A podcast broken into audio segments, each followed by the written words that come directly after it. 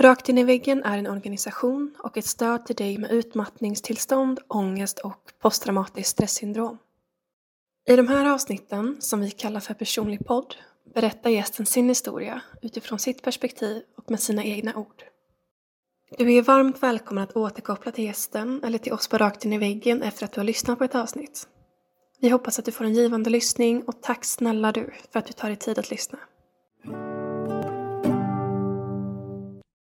Jag eh, heter Felicia. Och eh, jag... Eh, det är två år sedan nu, ganska exakt, som jag blev sjuk. Ehm, för mig så var det inte enbart arbetsrelaterat. Utan för mig så var det en kombination utav väldigt många olika saker. Som blev anledningen till varför jag till slut kraschade och inte orkade mer. Ehm, det var en kombination utav arbete, ett intensivt liv där jag flyttade runt mycket. För att jag försökte fly ifrån min ångest och mina känslor.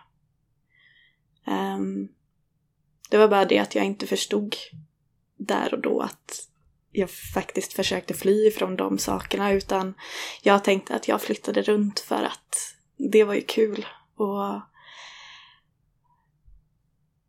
det var bra att få ehm, mer erfarenhet och se nya platser och se världen mer. Ehm, men i efterhand har jag ju förstått att jag försökte, det var mitt sätt att försöka fly ifrån det jobbiga och min ångest som blev starkare och starkare ju längre jag stannade kvar på ett och samma ställe. Um, och jag hade väldigt mycket i mitt bagage som jag inte har bearbetat eller inte hade bearbetat. Ehm, så på det stora hela så levde jag ett väldigt intensivt och destruktivt liv.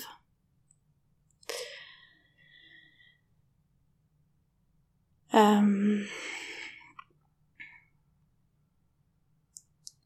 jag har alltid haft väldigt mycket ångest i mig. Jag vet att mamma har berättat att jag redan som treåring hade ett väldigt stort kontrollbehov. Um, till exempel när de skulle...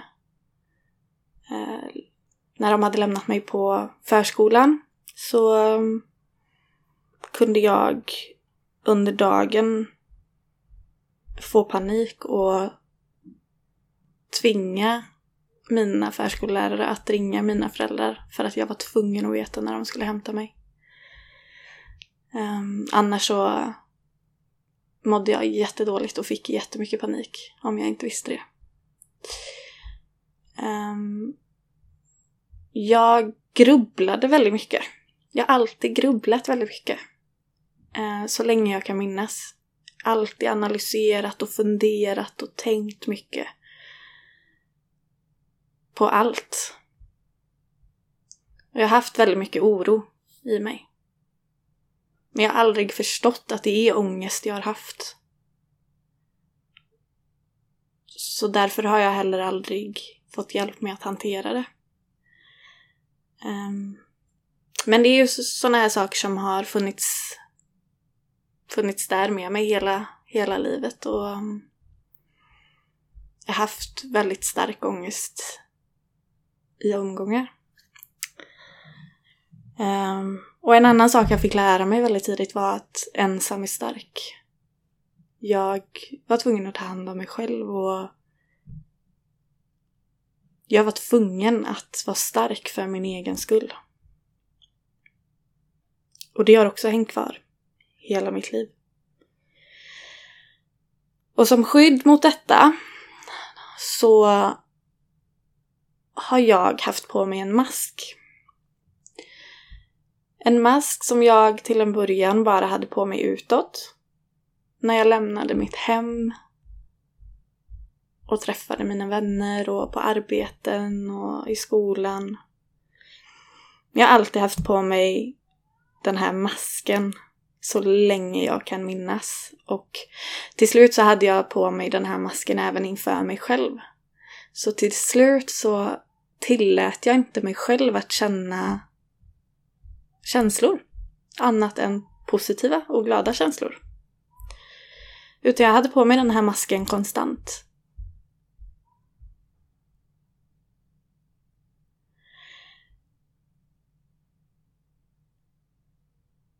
Jag har alltid varit den där superglada, spralliga, positiva tjejen. Som aldrig någonsin har varit nere eller trött eller liksom ledsen. Utan jag har alltid varit superpositiv, jag har alltid varit jätteglad.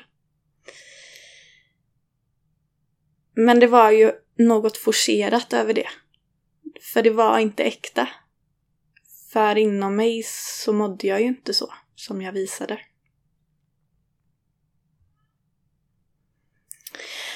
Jag har alltid haft orimligt höga krav på mig själv. Jag har aldrig någonsin kunnat säga att jag är bra på någonting. Utan jag har alltid sett mina brister och vad som kan bli bättre i allting. Jag har aldrig varit nöjd.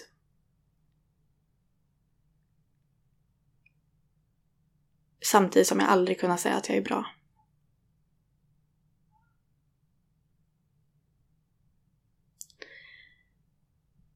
Jag har aldrig eh, satt gränser. Någonsin. Utan jag har alltid velat vara alla andra till lags.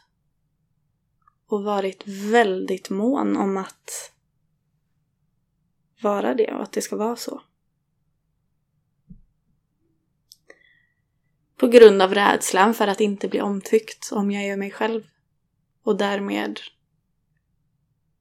vara ensam. Så jag har nog alltid haft en enorm rädsla för att vara ensam. Att inte bli omtyckt för den jag är.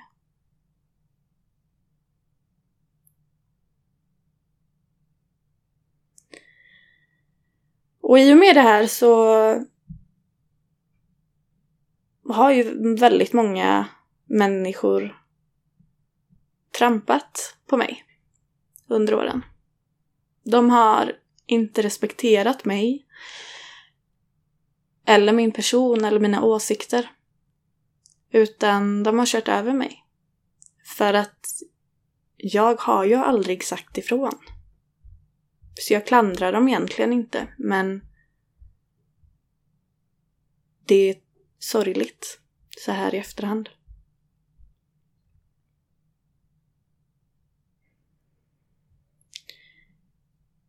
Um, och någonting som jag tror är väldigt vanligt um, det är att jag alltid jämfört mig väldigt mycket med andra personer. Uh, och jag har alltid mätt mitt värde i mina prestationer. Um, men att göra det att mäta sitt värde som människa och person utifrån sina prestationer, det är inte sunt och det är inte hållbart. För livet är ju som livet är. Det går upp och det går ner. Ibland så lyckas man. Och ibland gör man inte det. Men det är så det är och det är så det ska vara.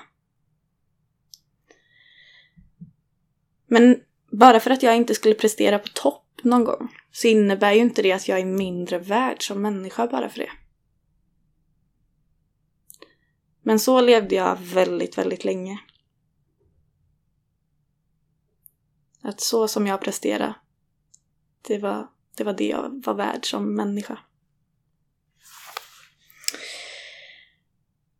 Um, min mamma och jag, vi pratade om det häromdagen och hon sa en väldigt fin sak. Um, när vi pratade om just prestation och att jag har haft väldigt mycket prestationsångest i och med att jag har mätt mitt eget värde i mina prestationer. Alltid haft prestationsångest oavsett vad jag ska göra. Även inför det här. Jag är inte van vid att dela så här. Jag är inte van att prata eh, på det här sättet. Om vad jag gått igenom. Jag fick jätteprestationsångest till en början. Men då sa min mamma att tänk om genom att bara vara sig själv så är det en prestation. Du presterar bara genom att vara du och dig själv. Och det tycker jag är väldigt fint och jag tror att många, man glömmer bort det ganska ofta. Att du som person, att bara vara du och bara vara där som dig själv, det är ju en prestation för det är ju, det är ju du. Och det är väldigt fint. För alla är olika och alla har olika egenskaper och tankar och beteenden att bidra med. Så jag tyckte det var en väldigt fin tanke och en väldigt fin sak. Som jag tycker man kan tänka på lite oftare. Um, men som sagt, jag har ju levt väldigt intensivt, jag har levt väldigt, väldigt destruktivt tidigare. Eh, och jag förstår det nu. Eh, och ska jag vara ärlig så är jag ganska säker på att jag hade kraschat förr eller senare. Jag hade blivit utbränd och gått in i väggen förr eller senare. Jag är bara väldigt glad över att det blev förr snarare än senare. För jag är fortfarande ganska ung. Jag har inte familj eller barn utan jag är fortfarande ganska lättanpassad och kan fokusera på mig själv. Helt och hållet. Och ge mig den tiden. Um, men så jag tänkte berätta lite om... Det var lite bakgrund. Jag tänkte berätta lite om hur det började. Um, och som för så himla många andra som har drabbats utav utbrändhet så smög det sig ju på även för mig. Um, förstår jag nu i efterhand. Um, jag kan se att jag har haft symptom flera år innan jag faktiskt blev sjukskriven. Um, jag märkte det genom att mina migränanfall blev tätare. Um, jag fick hjärtklappningar. Uh, mina händer darrade. Som aldrig förr. Ehm, jag var väldigt spänd i kroppen. Och jag hade i princip alltid ont i nacke och axlar. Ehm, och precis ja, året innan jag kraschade så hade jag även i perioder väldigt, väldigt stark yrsel och ett starkt illamående. Um, och uh, en väldigt vanlig sak är ju att sömnen var ju också ett av de första symptomen. Att sömnen blev sämre och sämre. Och de sista två, tre månaderna innan jag kraschade så um, sov jag i princip bara två timmar per dygn. Och då är man inte människa efter ett tag. När man inte sover mer än så. Och samtidigt jobbar och festar och alltid har någonting planerat och inbokat. Eh, det förstår vem som helst att det inte är hållbart att leva så.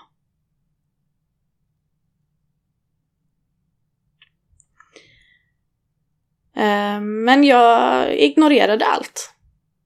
Jag ignorerade alla symptom som min kropp ville ge och signalera med. Men framförallt så förnekade jag det. För jag ville inte se att jag mådde dåligt. Jag ville inte se eller erkänna att jag inte var frisk eller mådde bra. För jag var ju egentligen på toppen. Jag hade precis flyttat till Stockholm. Levde ett intensivt, roligt liv. Alltså, väldigt kul hade jag. Men det var ju inte sunt. Jag jobbade konstant och jag hade alltid någonting inplanerat med vänner efteråt. Det var alltid någon middag, det var alltid något evenemang. Och det var väldigt mycket festande. Väldigt mycket alkohol. Som såklart bidrog till att mina andra symptom blev kraftigare. För jag bröt sakta men säkert ner min kropp. Som redan innan detta hade signalerat att den inte mådde bra. Eh, och sakta men säkert så blev ju även tyngden över mitt bröst bara värre och värre. Och den var... Det var konstant närvarande och det kändes som att någon... Någon har lagt ett ton block med sten över mitt bröst. Så tungt var det. Och så jobbig och tung var min ångest. Um, så då kom dagen till slut. För för mig så även om min utbrändhet och utmattning smög sig på så är det ändå en specifik dag för mig då jag kraschade fullständigt. Och sen dess så har jag varit sjukskriven 100%. Jag fick min första och värsta panikattack jag någonsin haft. Men det var långt ifrån den sista. Ehm, jag minns att jag låg och skakade i fosterställning på, på golvet hemma. I min lägenhet. I något som kändes en evighet. Det, det, det tog aldrig slut. Jag vet inte hur länge jag låg där, men jag vet att det var länge.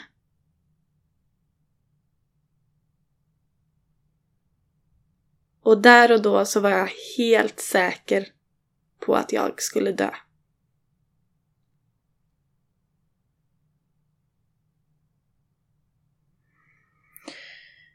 Min kropp vägrade fortsätta leva på samma destruktiva sätt som den så länge hade gjort. Min kropp klarade inte av mer. Min hjärna stängde av helt och hållet. Jag kom inte upp ur sängen. Varenda cell i min kropp stretade emot. Mina leder gjorde så ont att jag knappt kunde gå vissa dagar. Mitt minne försvann helt och hållet. Jag kom inte ens ihåg de enklaste sakerna längre. Jag mindes inte min portkod hem. Jag kunde lämna min lägenhet för att tio meter senare, längre ner på gatan, inte ha en aning om varför jag hade gått ut. Jag kunde åka in till stan och skulle åka hem men jag mindes inte hur jag skulle ta mig hem för jag mindes inte vilken buss som gick hem. Och då har jag ändå bott på samma ställe i över ett år. Jag hade konstant huvudvärk och migrän. Jag var extremt ljudkänslig. Jag klarade inte av några ljud överhuvudtaget. Jag tyckte till och med det var jobbigt att lyssna på när mamma och pappa pratar med varandra. Jag klarar inte av ljudet ens utav folk som pratade. Utan jag låg i princip de tre första månaderna i min lägenhet och bara stirrade rakt upp i taket. Helt tyst.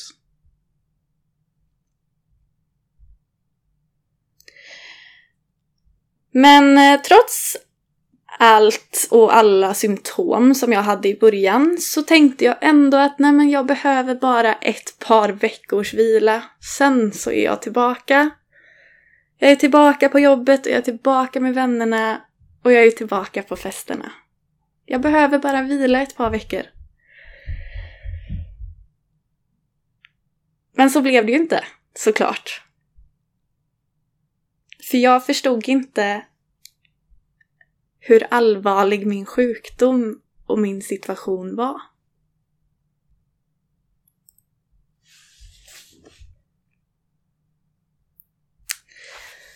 Så istället för att återgå till mitt vanliga liv och min vardag så hamnade jag i en avgrundsdjup depression. Min livslust försvann helt och hållet. Och ångesten inom mig, den höll ju på att äta upp mig inifrån. Jag vill inte leva mer. Jag var ju ändå bara en börda och ett problem för alla i min omgivning. Det var det enda jag var helt säker på just då. Så efter en dryg månad blev jag för första gången i mitt liv inlagd på psyk.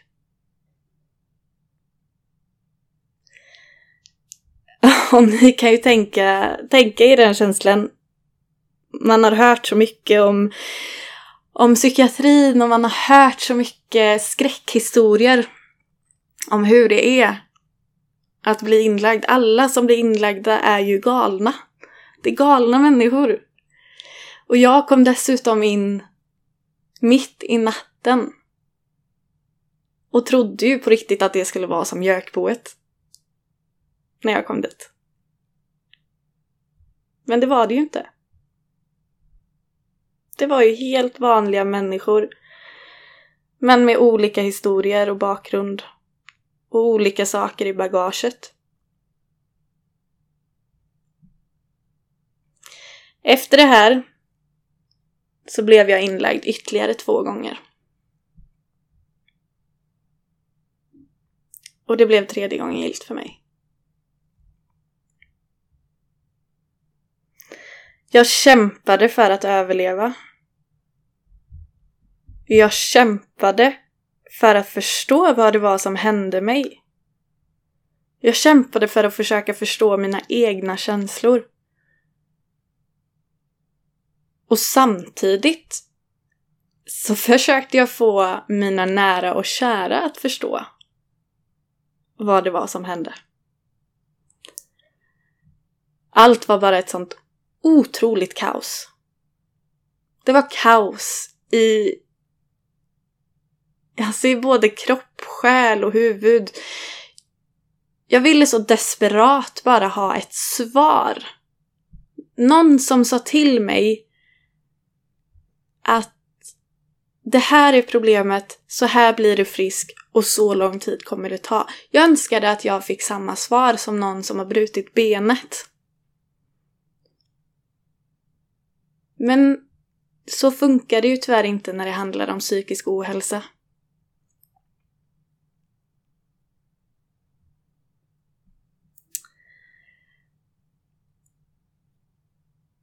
Min mamma och jag, vi har pratat en del om hur det var att prata om självmord.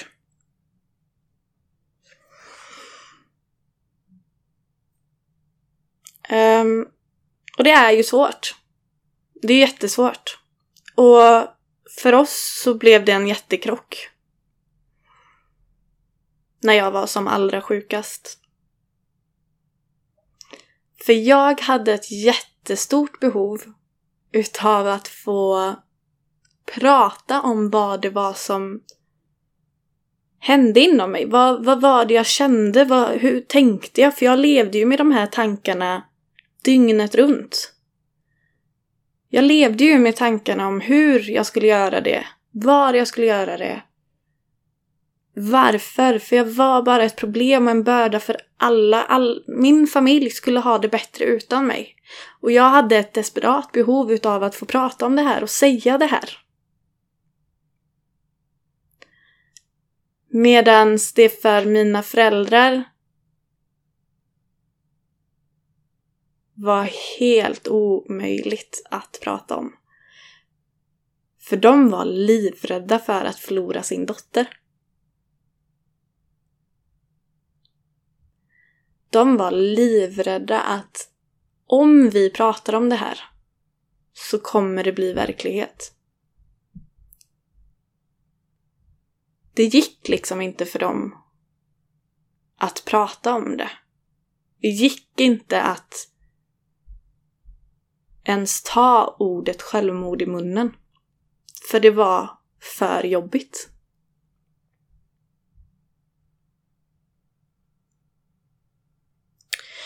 Vi var ju rädda på olika sätt. Helt olika sätt. Och därför kunde vi inte prata om det med varandra.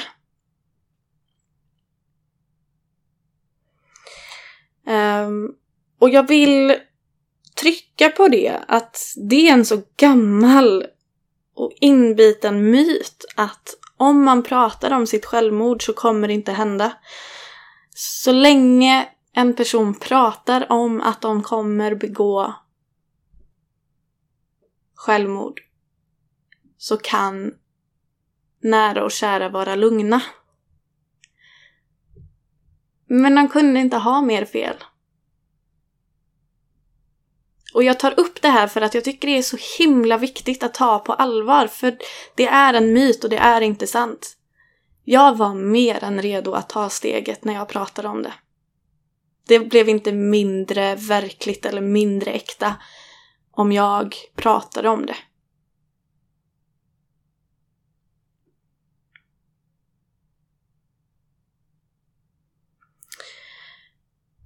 Uh, ytterligare en myt innan jag går vidare um, mer om utmattningen är att um, självmord alltid är planerat. Men så är det inte. Um, självmord kan vara planerat till en viss del.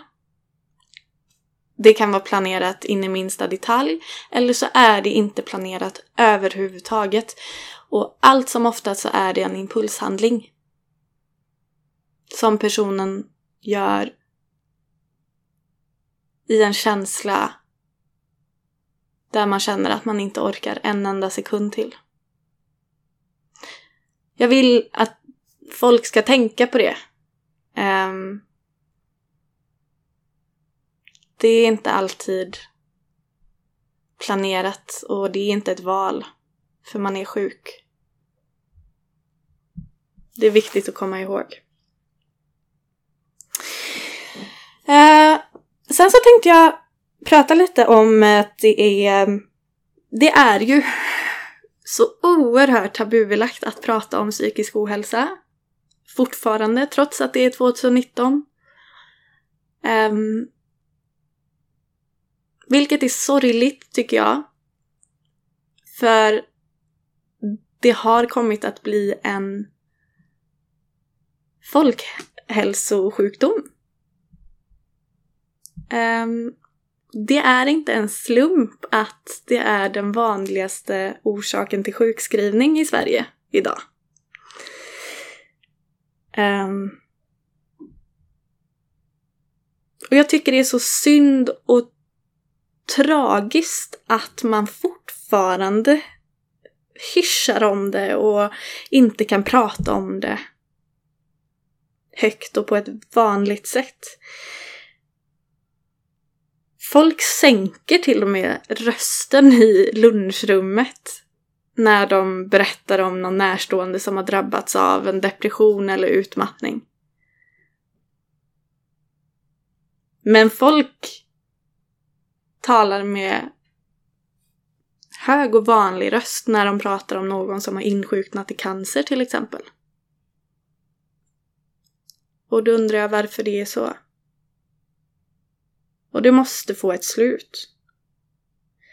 För psykisk ohälsa, depression, ångest, panikattacker, utmattning, vad det än kan vara, vilken diagnos man än har, det är en sjukdom precis som vilken annan sjukdom som helst. Jag har inte valt att bli sjuk. Det var inte mitt val att bli utbränd.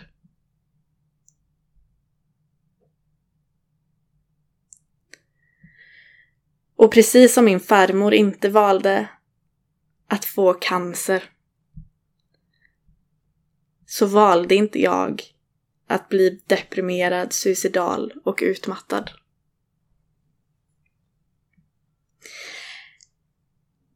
Men jag vill att man ska komma ihåg om man känner att man inte mår helt bra. Om man känner att, nej men jag känner igen mycket utav symptomen och jag mår inte helt hundra. Våga söka hjälp, för det finns hjälp att få. Även om det finns stora brister inom psykiatrin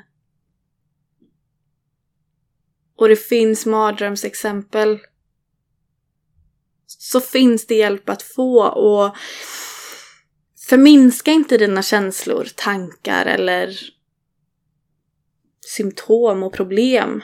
Utan våga söka hjälp, våga sträcka ut en, en hand och be om hjälp. Hellre för tidigt än för sent. För mig tog det ganska exakt ett år innan jag fick ordentlig hjälp. Eh, och det är alldeles för lång tid eh, för någon som är så sjuk som jag var då. Eh, men till slut så fick jag komma till en mottagning som var helt fantastisk. Eh, och jag och min psykolog, vi klickade med en gång. Och jag har förstått i efterhand att det är få förunnat. Men det är väldigt viktigt att man gör det. Så känner du inte att du klickar efter första gången, så stanna inte hos den psykologen. Byt. För det måste stämma med din psykolog.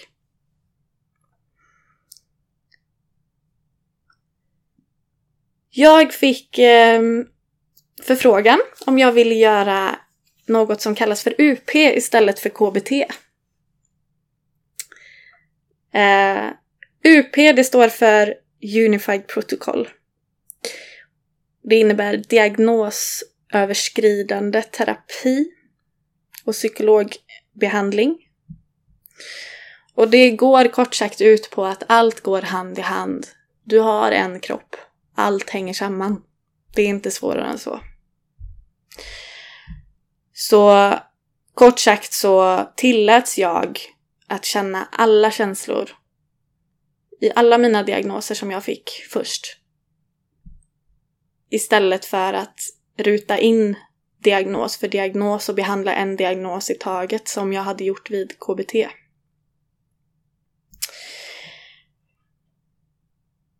Men, och den här, den här typen av terapi och psykologbehandling har varit helt fantastisk för mig. Jag träffade min psykolog en gång i veckan i nästan ett helt år. Och varje vecka så fick jag olika hemläxor med saker att öva på eller att tänka på eller att göra. Och jag har lärt mig så himla mycket om mig själv. Jag har lärt mig om hur hjärnan fungerar och hur vi som människor fungerar. Jag har fått öva på att vara i nuet så himla mycket mer. Något som är så otroligt viktigt. Att jag inte behöver oroa mig för framtiden och det som inte hänt än. Jag behöver inte måla upp katastrofer och skapa problem som inte, som inte finns än. De existerar inte. Var i nuet och ta det när det händer i så fall. Men oroa dig inte för det i förhand.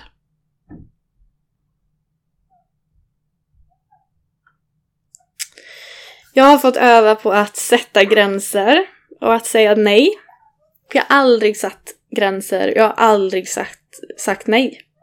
Jag har aldrig satt mig själv och mitt välmående först. Och det är så himla svårt.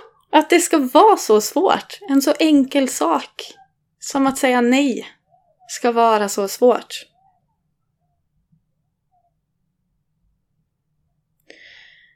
Jag har fått öva på att allt inte måste vara perfekt hela tiden. Jag behöver inte ha perfekt hår, perfekt naglar, perfekt kropp, perfekt karriär, perfekt hem med de nyaste och snyggaste designersakerna. För vad är ens perfekt? Existerar ens perfekt? Perfekt är ju något som varierar och skiljer sig ifrån människa till människa. Det är helt upp till var och en. För alla är ju olika. Det som är perfekt i mina ögon, det kanske inte är perfekt i min, i min kompis ögon. Så skit i perfekt. Var bara du. Och det är en av mina största utmaningar jag har haft och fortfarande har. Att ta av mig masken. Masken som jag har burit i så många år. Jag har helt enkelt behövt öva på att bara vara mig själv. Att släppa fram mig själv. Och att vara okej okay med det.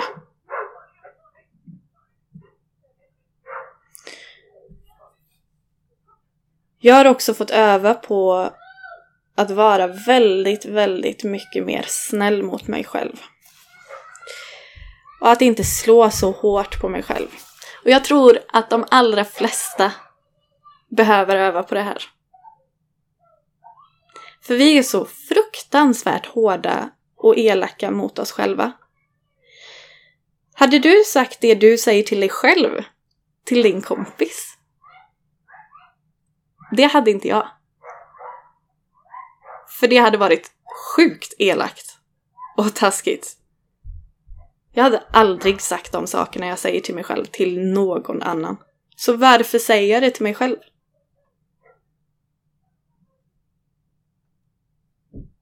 Alla elakheter om min person, om min, mitt intellekt, om mitt utseende.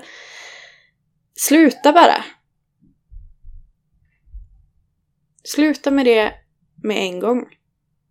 För det är inte snällt. Och jag måste bli snällare mot mig själv och inte vara så hård mot mig själv hela tiden. Allt det här är ju bara såklart en liten del utav allt jag fick lära mig under min UP och utav min psykolog. Och allt är såklart ett pågående arbete. Bara för att jag är klar med min psykologbehandling nu så innebär inte det att jag är klar med alla de här övningarna utan det är hela tiden ett pågående arbete som jag övar på varje dag.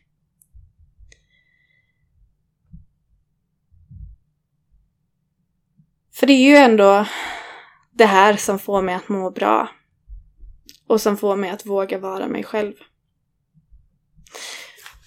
För jag har lyckats hitta mig själv. Bli så mycket tryggare i mig själv och hela tiden faktiskt sätta mitt välmående först. För det är bara en enda person som du ska leva med i resten av ditt liv och det är du. Och då är det ju helt naturligt att man måste ta hand om sig själv och vara rädd om sig själv. En annan sak som, som eh, var väldigt stort för mig eh, var när jag för första gången fick höra om något som kallas för HSP. Som står för Highly Sensitive Person. Eller en högsensitiv person. Och i samma stund som jag fick veta vad det här var så föll så många pusselbitar på plats.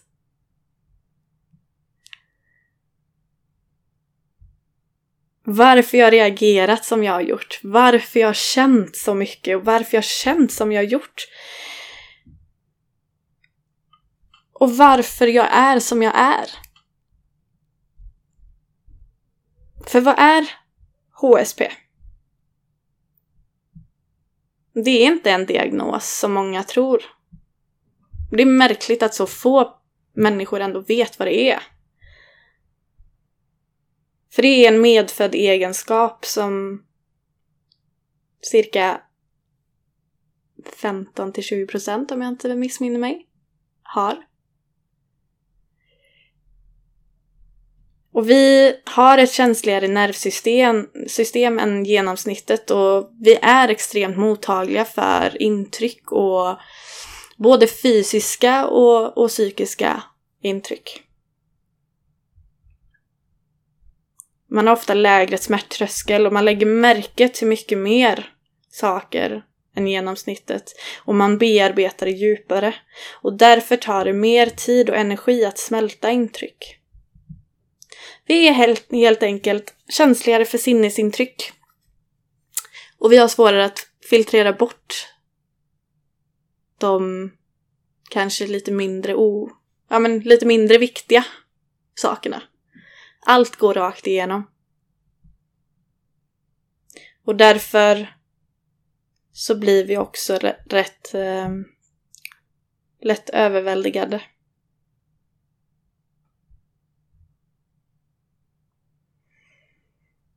Och överstimulerade. Men det förklarade så mycket hos mig själv. Jag har alltid fått höra att jag är så känslig. Jag känner efter hela tiden. Sluta, sluta känna efter. Sluta vara så känslig. Du tål ju ingenting. Det har jag fått höra hela mitt liv. Och nu förstår jag varför. Jag förstår varför jag känner så mycket. Oavsett vad det handlar om. Jag förstår varför jag tar åt mig så himla mycket. Och varför jag blir så påverkad utav andra sinnesstämningar till exempel.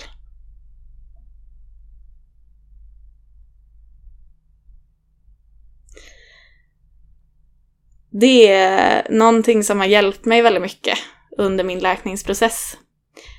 Eh, och jag tycker det är väldigt, väldigt intressant och spännande. Men jag tycker att fler borde få kunskap om det.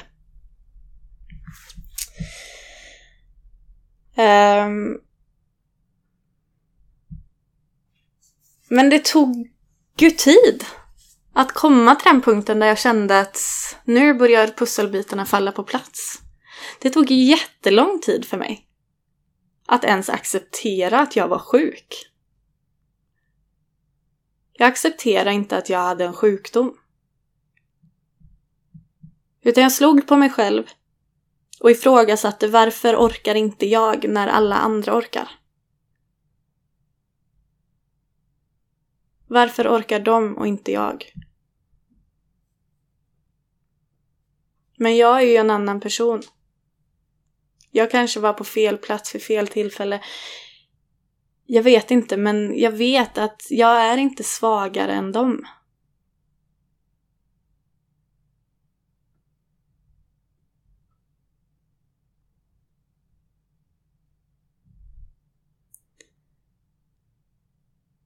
Jag hade svårt att acceptera att jag inte längre var en del utav vardagen som tidigare.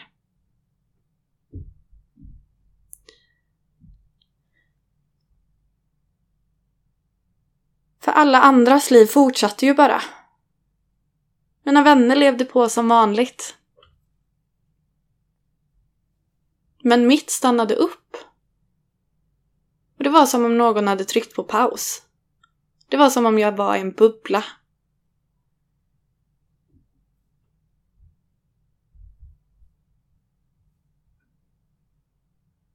Tiden har stått still samtidigt som det har hänt så himla mycket.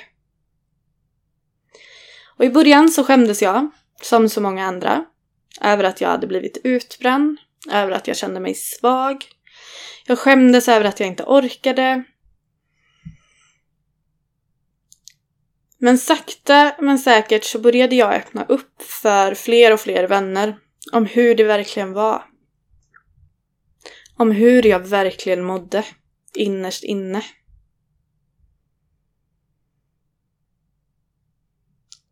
Och efter ett exakt ett år efter att jag hade blivit sjukskriven så bestämde jag mig för att skriva ett öppet inlägg på mina sociala medier. Jag skrev ett inlägg om hur mitt senaste år hade varit. För folk vet att man... De vet att det är något men ingen vågar fråga. Och jag tröttnade lite på det. Och jag tröttnade på att det inte var någon annan jag kände som, som pratade om det här. Och jag har lätt för att prata om saker. Jag har lätt för att uttrycka mig. Så jag kände att jag var redo. Så efter ett, efter ett år så postade jag det här inlägget och jag var livrädd. Men wow, wow, wow.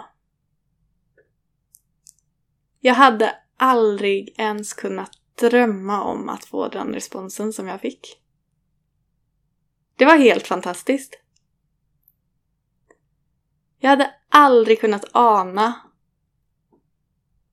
att jag skulle få så mycket kärlek och stöd ifrån människor folk som hörde av sig som kanske egentligen inte är jättenära vänner. Som skickade sitt stöd och de mest värmande och betydelsefulla meddelanden. Det var så överväldigande. Och jag minns att jag till och från hela den dagen bara gick och grät. Jag kunde knappt ta upp telefonen för att det var ytterligare ett nytt meddelande eller samtal som hade kommit in. Och jag bara grät för att jag var så överväldigad. Samtidigt så blev jag kluven. För samtidigt som jag fick all den här kärleken så var det också många som hörde av sig och tackade mig. De tackade mig för att jag hade delat min erfarenhet. De tackade mig för att jag hade berättat. För att de kunde relatera så himla mycket till min text, till mina känslor och till allt som jag beskrev. Och det gjorde mig så himla ledsen. Jag var ärligt talat förfärad när jag insåg hur många det var som kunde relatera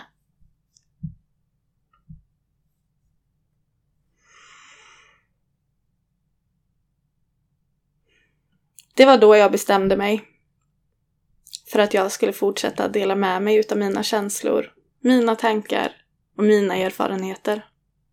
För om det kan hjälpa, om det bara så är en enda person, så är det värt allt.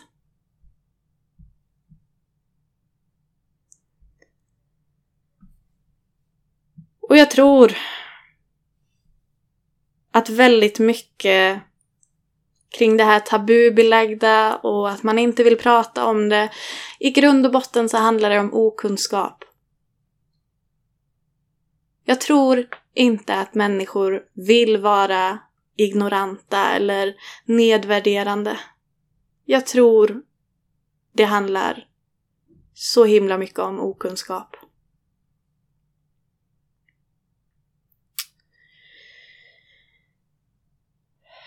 En annan sak som jag tyckte var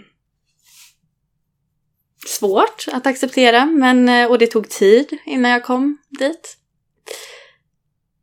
Det var att komma till insikt med och acceptera att jag ska inte tillbaka till mitt gamla jag. För det var ju mitt gamla jag som fick mig att hamna i den situationen jag är idag. Och det är ju inte bra, det är ju inte sunt. Jag vill ju absolut aldrig hamna här igen.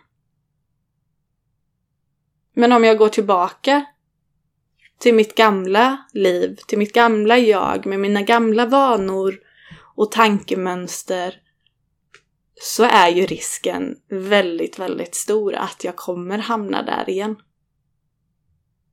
Så jag tror väldigt mycket på förändring. Men det var länge jag strävade efter att bli mitt gamla jag. För jag trodde att det var, det är ju jag, det är mig själv, då kommer jag tillbaka till mig själv igen. Och det är ju dit jag ska. Men det är det inte.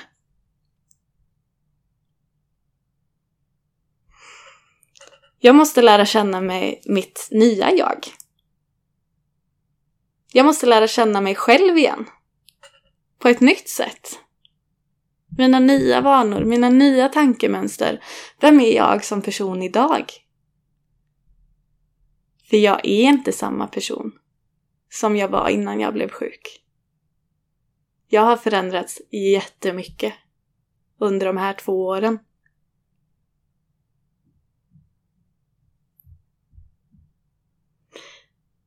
Det är superläskigt att ge sig hän och att inte kunna kontrollera vad som kommer hända.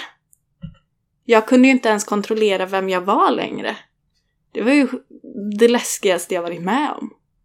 För det var som att lära känna en ny person då.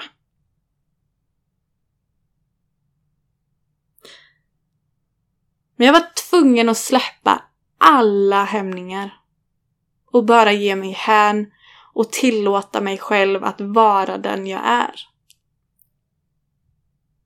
Och acceptera det. För faktum kvarstår, jag är inte samma person som jag var innan jag blev sjuk. Jag är lugnare, jag är tryggare i mig själv.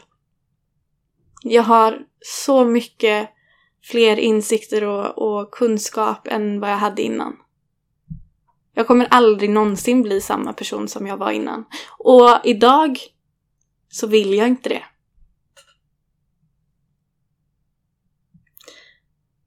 Och för första gången så kan jag faktiskt ärligt säga att jag är riktigt exalterad över att se vad framtiden har att ge. Men en huvudingrediens i allt det här, det är tålamod. För herregud vad mycket tålamod man måste ha. Det, ehm, det kommer ta tid. Och sen kan du addera lite mer tid på det. Och så kanske lite till. För det är så lång tid det kommer ta. Jag sitter här två år senare. Och har fortfarande inte börjat jobba igen. För jag insåg inte hur kraftig min utmattning var. Och jag insåg inte hur mycket tid, hur lång tid det tar att läka från en utmattning och en utbrändhet. Det är så himla viktigt att låta det ta den tid det behöver. För jag måste ju bli frisk. Och min utmattning kommer inte bli bättre utav att jag försöker skynda in i någonting eller skynda tillbaka till ett normalt liv. Och nej, jag är inte alltid så positiv. Det är svinfrustrerande och jättejobbigt stundtals. Jag är bara människa och jag bryter ihop med jämna mellanrum. För det känns som att jag bara är sjuk och inte har ett normalt liv. Jag längtar efter att ha energi igen.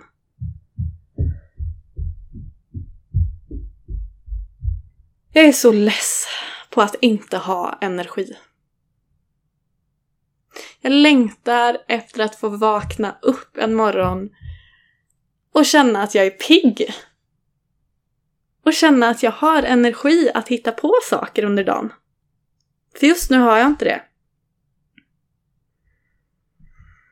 Jag längtar så fruktansvärt mycket efter att få ha ett vanligt liv igen med arbete, vänner och bara mitt liv. Tro mig, jag har fällt många tårar över det här. Och jag har skrikit många svordomar rakt ut på grund av det här. Men det blir bättre. Och det tar tid att acceptera sin situation. Och det är okej okay att bryta ihop inemellan. Det är okej okay att vara ledsen. Men man måste bara lära sig att se de små framstegen. Och vara snäll mot sig själv. För jag har ju trots allt gjort framsteg. Jag har gjort massor med framsteg. Och jag tar små, små, små, små, små steg framåt hela tiden. Och inemellan så tillåter jag mig att blicka tillbaka för att se hur det var för ett halvår sedan eller ett år sedan. För det är då de stora skillnaderna blir som tydligast. Och det är då jag ser de stora framstegen. Jag har kommit jättelångt. Men det tar tid som sagt. Och jag är långt ifrån frisk. Och jag är långt ifrån att vara tillbaka helt och hållet. Men det är okej. Okay. Jag är verkligen okej okay med det idag. Och jag är okej okay med att det kommer ta tid. Och jag, jag är verkligen okej med att det får ta den tid det tar. För det kommer vara värt det. För det kommer alltid att bli bättre. Och det senaste halvåret så har jag mer och mer känt en enorm tacksamhet. Trots att det har varit de två värsta åren i hela mitt liv. Det är, det är någonting jag inte önskar att någon någonsin ska behöva gå igenom. Men trots det så är jag ändå tacksam och det kanske låter jättekonstigt. Att vara tacksam över att man har varit självmordsbenägen och inte ens minns hur det känns att ha energi. Men det har gett mig så himla mycket. Det har gett mig så mycket självinsikt. Jag har lärt mig så mycket om så många olika saker.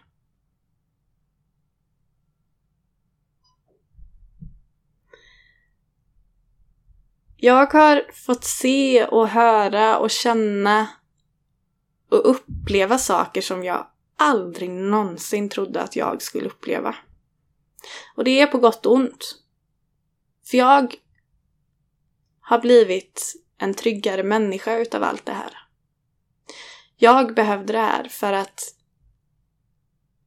växa som person. För att hitta mig själv. Jag har lärt mig att lyssna på och läsa av min kroppssignaler. Jag har fått hjälp med att lära mig hur jag ska hantera min ångest och hur jag ska tänka annorlunda om saker. Jag har blivit mer öppen. Och framförallt väldigt mycket mer ödmjuk inför livet.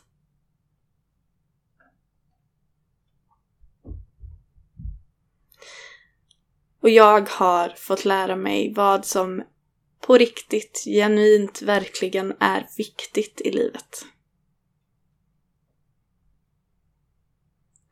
Jag har haft turen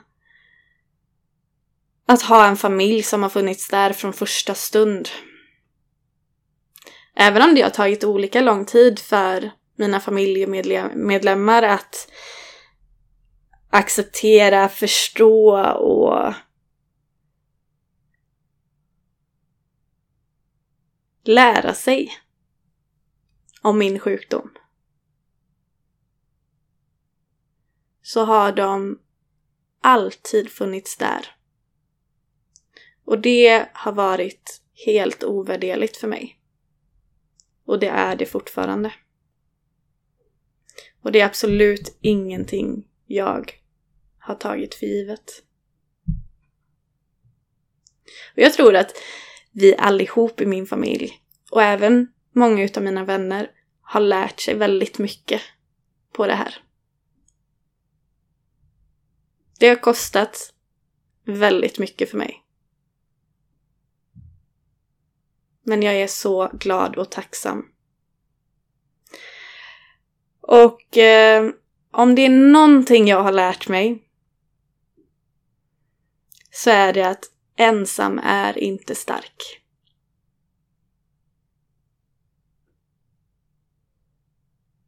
Våga be om hjälp. För man klarar inte allt på egen hand.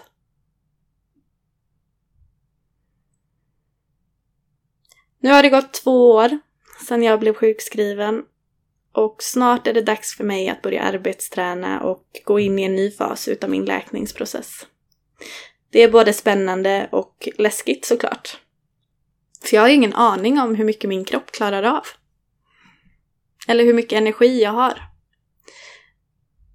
Men jag oroar mig inte så mycket för det. Det blir som det blir. Det kommer bli bra oavsett vad som händer. Och mest så är det spännande. Men jag ser fram emot att inte bara överleva. Utan att faktiskt få börja leva igen. Och som min farmor så fint sa. Med jämna mellanrum. Varje människa är unika. Och det är så sant och så fint. Så jag tänker att jag avslutar med det.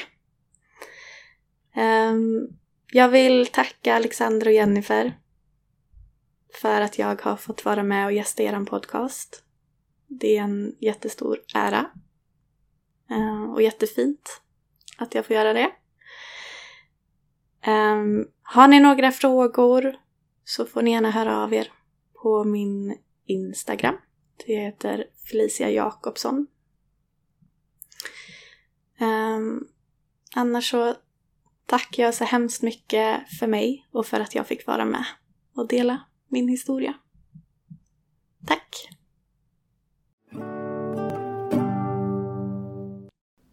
Vill du också medverka i Rakt in i väggens podcast? Besök vår hemsida för mer information på www.raktinivaggen.com medverkan. Om du vill tipsa oss om en poddgäst eller om du har en fråga eller synpunkt på det vi gör kan du alltid mejla oss på podcast raktinivaggen.com för att få svar. Tack för att du lyssnar.